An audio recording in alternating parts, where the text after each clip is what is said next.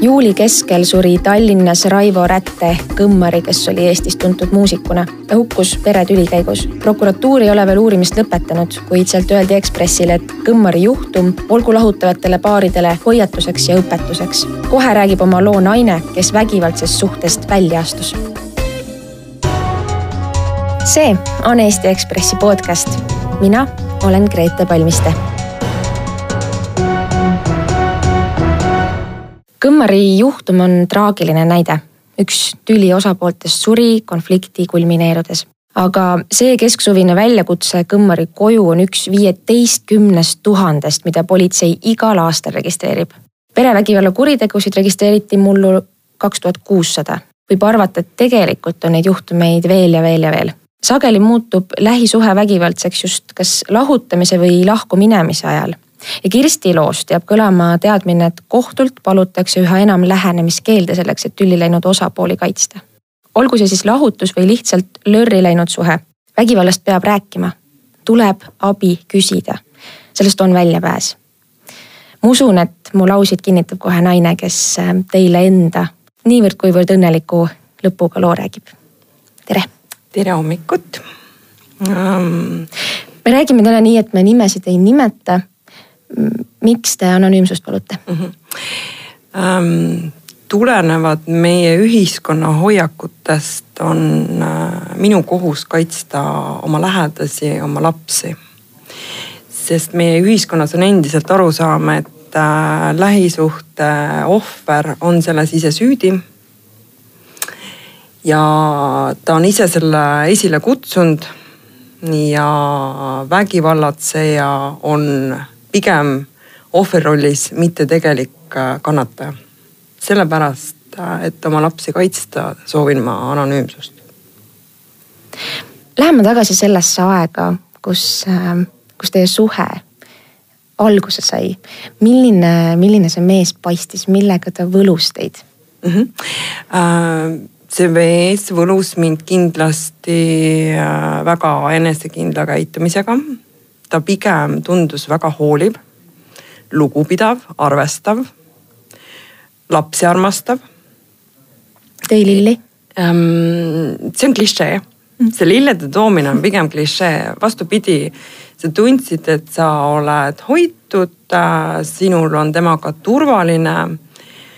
ja see on ilmselt äh, iga suhte alus, kus naine otsustab, et äh, sellest võiks kujuneda tugev peresuhe nii nagu kõigil. räägi mõni ilus, ilus hetk, mis teil oli koos. ma olen selles mõttes väga äh, keerulises olukorras, mul on neid rääkida väga vähe et pigem võiks äh, tuua väga põnevaid äh, seiklusi, mis me oleme koos reisidel kogenud, kus tegelikult on olnud väga huvitav ja põnev ja see ongi nagu võib-olla sellest tingitud, et me olime väljaspool kodukeskkonda. ja siis inimesed käituvad üldjuhul teistmoodi mm. -hmm. kui kaua see, see õnnelik või see turvatunde faas kestis? aasta mm. -hmm et see ei ole üldse mingisugune vabandus, tegelikult on väga tihti meil olemas äh, ohumärgid, äh, aga me kas teadlikult või tahtlikult ignoreerime neid lootuses, et äh, küll aeg parandab ja ma saan ju hakkama ja tegelikkuses see olukord ei ole nii hull, et teistel on ju ka hull. me oleme üldse meie ühiskonnas väga seda meelt, et peresuhe peab olema üks tohutu kannatus, et äh, see on üliharva, kus on tuua toredaid näiteid, et peresuhe on toimiv, lugupidav, hooliv. et pigem on nagu väga okei okay,, kui keegi peab kannatama. kaua te koos olite? Viisteist aastat. neliteist aastat olid sellised? Ähm, ma toon hästi äh, sellise näite, et kui te arvate, et äh, peresuht vägivallast on võimalik tulla päevapealt ära, siis te eksite selles väga sügavalt. Mm, ütleme algstaadiumis, ütleme ma tegelesin sellega umbes seitse aastat, et tulla sellest välja ja see väga tihti kulmineerub tegelikult sellega, et kui sa tahad enam-vähem tervelt sellest väljuda, siis äh, vägivallatsejal peab jääma mulje, nagu see oleks tema otsus hm.. Mm -hmm. ilmselt paljud tegelikult ka psühholoogid nõustuvad minuga selle koha pealt, et äh, see ei ole sugugi lihtne, sest niikaua kui sa oled tema omand ja huviobjekt, siis on äh, sellest sisuliselt võimatu väljuda mm. -hmm. mis need esimesed märgid olid, kui tundsite, et nüüd nagu midagi mm -hmm. ei ole enam päris paigas? alkohol, alkoholi kuritarvitamine. kummalt poolt? ähm,. tema poolt? ikka tema poolt mm -hmm. loomulikult, et ähm, ma olen ilmselt ka sellepärast äh, võib-olla väga kriitiliselt meelestatud, kuna minu perekonnas puudus äh, üldse kokkupuude alkoholismiga. minu vanemad ei tarbinud alkoholi.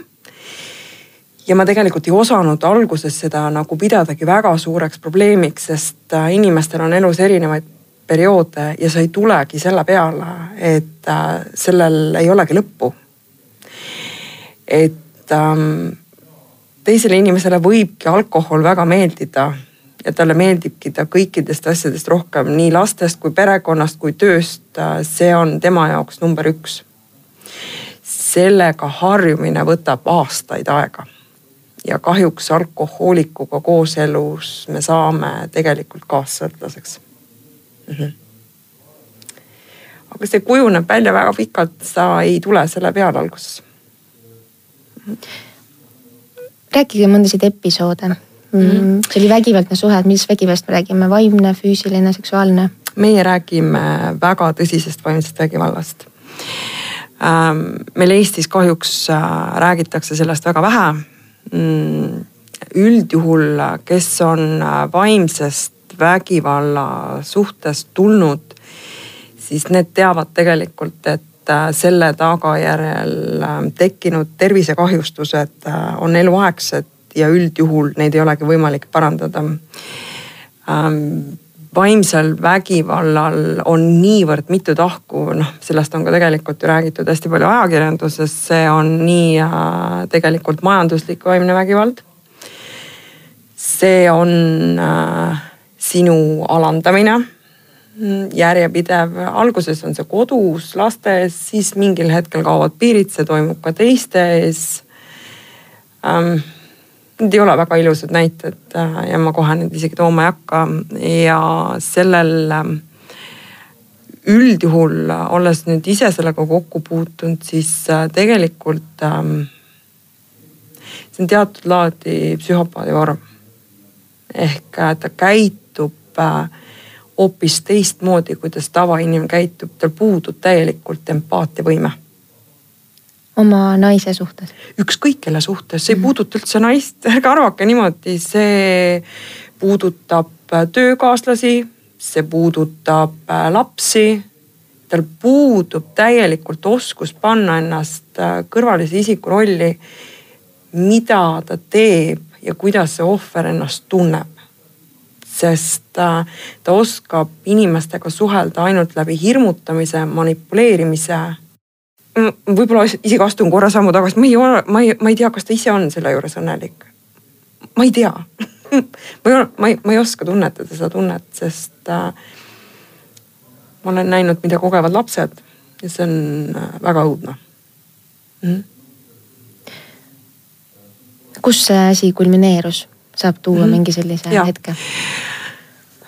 Minu jaoks päästjaks, äh, mitte minu jaoks, minu pere, mina pean ennast ja oma lapsi oma pereks. päästjaks sai see, kui minu poeg ei suutnud enam seda kannatada, ta tuli, istus mu kõrvale ja ütles, et ähm, ema, et äkki sul on kergem, kui mind enam ei ole. ja sellel hetkel ma sain aru, et tegelikult äh, oli ta jõudnud sellesse etappi, kus ta ei soovinud enam elada sest talle oli kohutavalt ränk pealt näha ja kuulata, mida minu elukaaslane minuga tegi.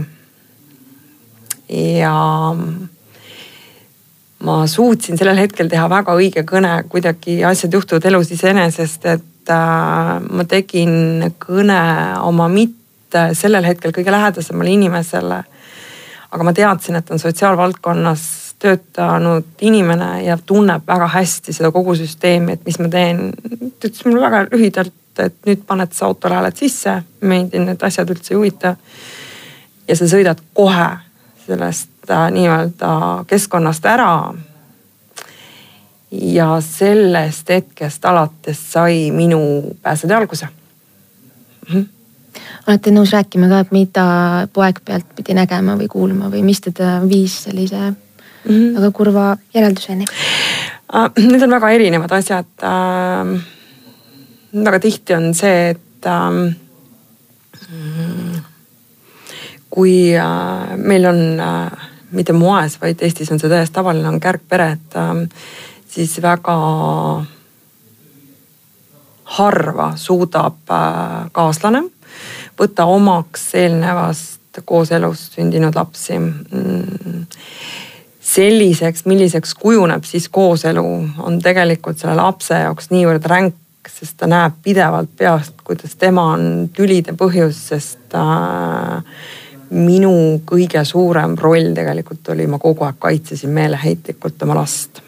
ja see oli selline, et tavaliselt äh, tüli võis põhjustada, me tegelikult tavaliselt teadsime, kui võti lukuaugus käis või ta uksest sisse astus, näost oli näha, missugusest tujust ta tuli äh, tüli võis põhjustada see, et keegi asetas moosipurgi valesti, keegi sõi valelt riiulilt toitu. Need on niivõrd erinevad näited ilmselt, kes on sellega kokku puutunud, teavad väga täpselt, millest ma räägin. Ähm, põhjuse tülitsemiseks leiab alati selleks ei ole põhjust vajagi. Ja see mingi hetk muutub niivõrd kurnavaks kõikide inimeste jaoks, et äh, eks ma ise olin juba sellest kõigest nii väsinud. ja mu laps, kes, need lapsed, kes selles olukorras on, püüavad meeleheitlikult olla kõige paremad, kõige tublimad äh,, kõigega hakkama saada. ja kui kunagi mitte miski ei ole hea, siis nad murduvad. ja noh, näed emale aitas see kõige rohkem, et ta võttis ennast kokku, sest noh, meie naised suudame kannatada kuni lõpuni mm. -hmm. või siis me sureme lihtsalt ära. mis on ka, on väga harva, kui vägivallatseja ise sureb mm. -hmm. mis sai? sõitsite autoga minema mm, -hmm mis et... siis edasi, ma nagu, nagu enne ütlesite, et päevapealt ju asi ei lõpe tegelikult. jah, selles mõttes minul väga vedas. Äh, ma tänase päevani olen tohutult tänulik ähm, Pärnu ohvriabiringile või siis nii-öelda tuginõustajatele. ma olen ise Pärnust pärit ja ma sattusin äh, tohutult toreda äh, lastekaitsetöötaja kokku, kes ähm, oli väga pädev oma töös. ja ta sai kohe aru, milles on asi.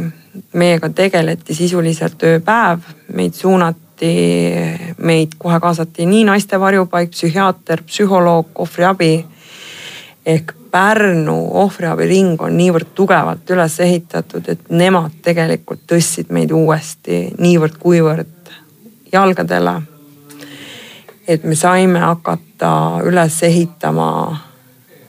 me saime kogeda uuesti elu ilma vägivallata. see ei tähenda seda, et te olete üksi, ei ole. Ohvriabitöötajad, nii naiste varjupaik kui lastekaitsetöötajad igapäevased külalised, mis tegelikult tundus täitsa nagu lõbus juba. sellepärast, et ta kogu aeg ähvardas, et ta on maja ees aga ta oli niivõrd tark, et ta teadis seda, et ta uksest sisse ei tulnud, sest ta aimas seda, et politsei on kohe kohal eks siis, kui te olite ähm, juba kodust ära läinud mm. -hmm. Teie mees tuli teile ikkagi järgi ja, ja see ahistamine kestis edasi um,? Ma tänaseks olen ära kolinud nel, äh, neli aastat juba. ja ma võin öelda, et tegelikult ei ole vägivald mitte kuhugi kadunud ega lõppenud. Õnneks on mul täna võimalik uks enda selja tagant kinni tõmmata. ja täna kehtestan mina need reeglid, kui palju ma luban vägivalda oma ellu ähm,. kui ahist. kõlab, kõlab nii absurdselt, kui palju ma luban vägivalda, et nagu. See on otseselt seotud sellega, sellepärast et ähm, ma toon teile näite, näiteks äh, mul ei ole väga palju kiidusõnu öelda Eesti ametkonnale.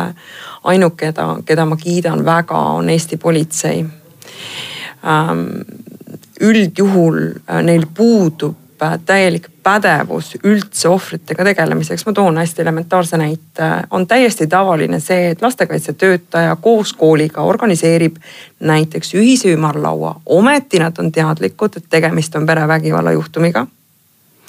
Nad teavad, et ma ei suhtle üldse nelja silma all selle isikuga. sellelegi vaatamata eeldavad nad, et ma saan temaga kokku. See on ainult minu tugevus et ma suudan kõigile ei öelda. nõrgemad inimesed lähevad mm. kohale ja lasevad uuesti ennast täpselt samasse olukorda viia, kus nad olid neli aastat tagasi. see on täiesti tavaline ja mind endiselt hämmastab äh, koolide tahe lasteaeda ka lastekaitsetöötajate tahe ennast täielikult kurssi viia, mida tähendab perevägivald see ei lõpe päevapealt. see on lõputu, isegi ma kardan seda, kui mu laps saab kaheksateist. no äkki siis ma olen noh nii-öelda hu, huviorbiidist, noh ei ole vaja enam et noh, me võime nalja visata selle üle, aga tegelikkuses äh, need asjad ei käi nii ja äh, meil endiselt äh, ei osata kahe poolega üldse ümber käia minult ei ole selle aastate jooksul mitte üks riigiametnik küsinud nõu, kuidas peaks käituma ametnik või küsinud kasvõi kogemust, et kuidas tulla välja või mis on olulised asjad. mina ei ole sellega kokku puutunud. kõik nagu kuskil midagi teevad.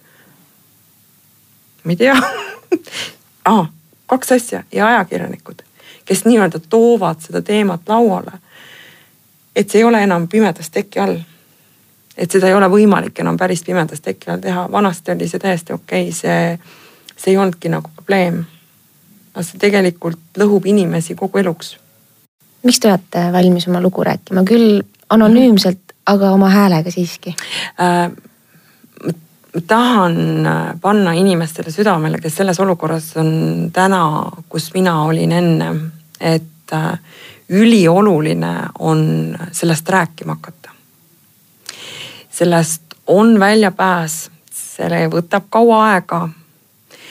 aga mis tahes inimväärikuse alandamine, solvamine, füüsiline vägivald ei ole mitte kuidagi aktsepteeritud ei siis laste ei naise ega ka mehe suhtes, sest meile õudselt me, nagu sildistatakse, nagu see puudutaks ainult naisi. füüsil- või vägivald kui selline, see ei oma mitte mingisugust sugu, rahvust. selle all võib kannatada igaüks, me lihtsalt seda ei tea, mehed räägivad üldse vähem. ka neil tegelikult on probleeme, väga tihti võib olla tegelikult vägivallatsejaks naine. see ei ole nii, et, et see on ainult äh, naiste tohutu probleem, ei ole ka mehed kannatavad samamoodi ja väga tähtis on hakata sellest rääkima, sest ähm, äh, teid ei märgata muidu. ma võin öelda tegelikult äh, küll oma kogemused, aga ma loodan, et see asi on siiski muutunud. minu perearst teadis sellest äh, väga pikalt.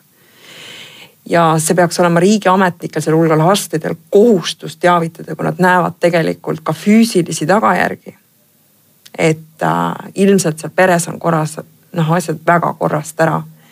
aga seda ei tehta. ma pidin prokuröri juures helistama perearstile, et tuletada talle meelde, et ta saadaks arstitõendid prokurörile, mida prokurör oli eelnevalt soovinud. no ma ei tea, noh. aga sellelegi vaatamata suu tuleb lahti teha mm. -hmm. et äh, minul näiteks õnnestus, mu laps käis tollel hetkel erakoolis, oli üks tohutu suure südamega psühholoog kes võttis lausa südameasjaks ja ta nägi, et sellel asjal on niivõrd kurvad tagajärjed ja temal oli nii palju tahtmist ja soovi, ta nii-öelda andis ametkonda teada, kes omakorda aitab, kuigi teile alguses võib tunduda, et teie olukord ju läheb kodus veel hullemaks ja lähebki alguses. ärge arvake. sellest siis, et keegi tuleb nagu abistada? teavitab mm. -hmm. See tuleb avalikuks, kõige rohkem vägivallatseja kardab avalikuks tulemist. et pidage seda meeles mm. -hmm ja alguses ma üldse ei lohuta, alguses lähebki kõik raskemaks aga mida aastat-aastalt edasi, siis sellest on võimalik välja tulla mm. -hmm.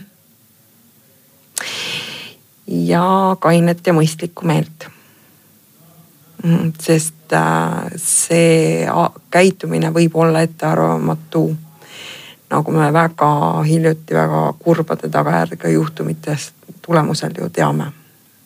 see omab üldse olulist, kumb pool siis lõpuks kaotab elu mm. -hmm. täna te aitate teisi ja. sarnases olukorras. millised need lood on, mis jõuavad? On kõik väga sarnased. see on äh, need on üldjuhul väga sarnased ja meil oli hästi vahva põgus jutuajamine teiega enne. ja see ongi tegelikult äh,. ma pean sellega nõustuma, see on meie riigi probleem. meil mitte ainult üksi ei osata lahutada, meil ei oska, meil ei osata isegi koos elada, meil puudub perekonnaõpe, soov, tahe olla ühine meeskond. ja mingil arusaamatul põhjusel see puudutab, vägivald hakkab palju varem, mitte kunagi ei alga see lahutusega. see on täielik jama.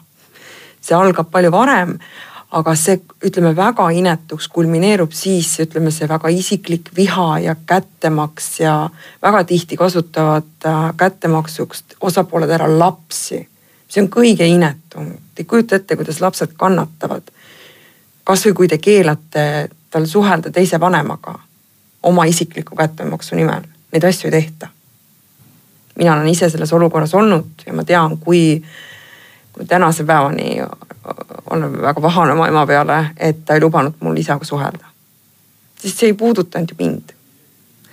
et äh, kuidagi meil ei osata nagu peres toime tulla ja see muutub nagu väga vägivaldseks ja isiklikuks ja ründavaks kuigi inimesed võiks istuda maha, öelda, et äh, suhel ongi, suhtel väga tihti ongi algus ja lõpp. et äh, sellepärast ei pea vaenlastena lahku minema. väga mõistlik on tegelikult äh, koos ühiselt kasvatada laps suureks.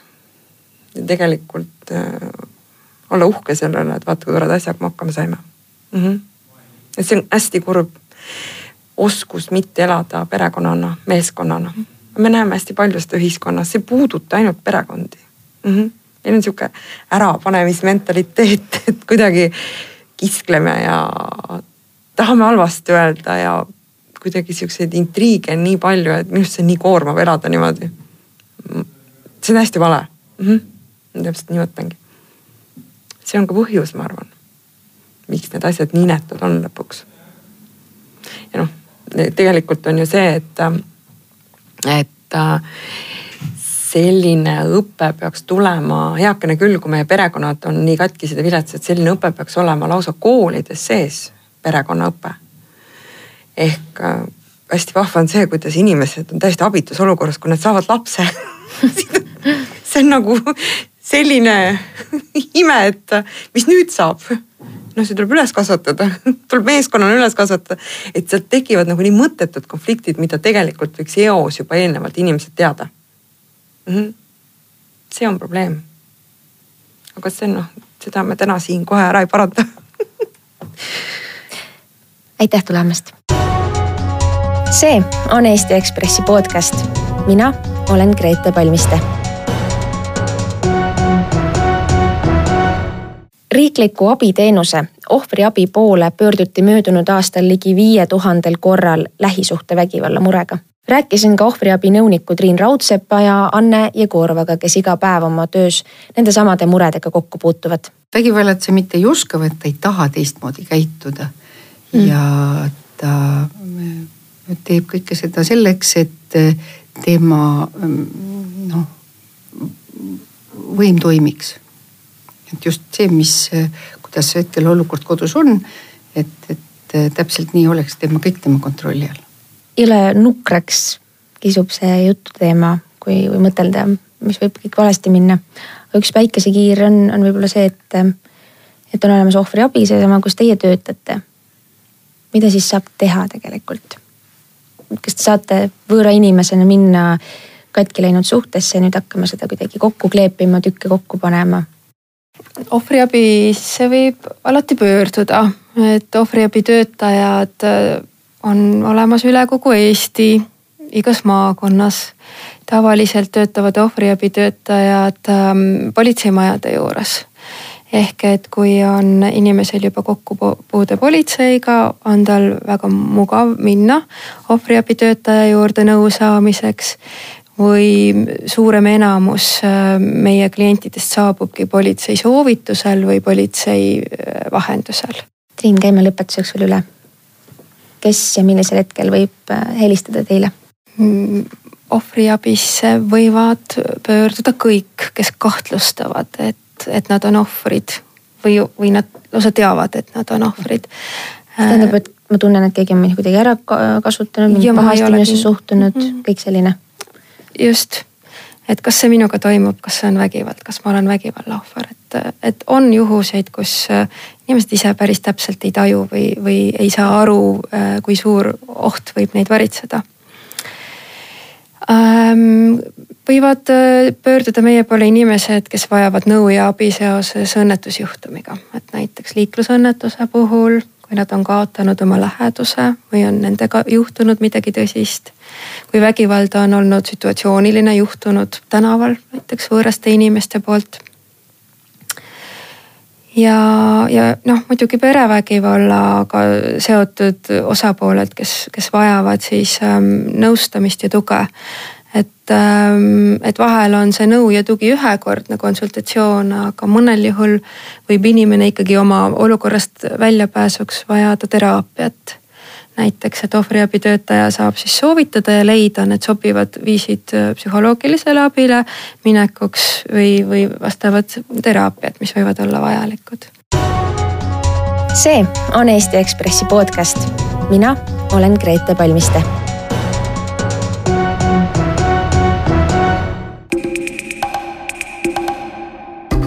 viimases lehes veel beebibuum Stenbocki majas ehk peaminister Jüri Ratas ja tema büroo juhataja Tanel Kiik räägivad kokkusattumusest, kuidas nad päevase vahega isaks said.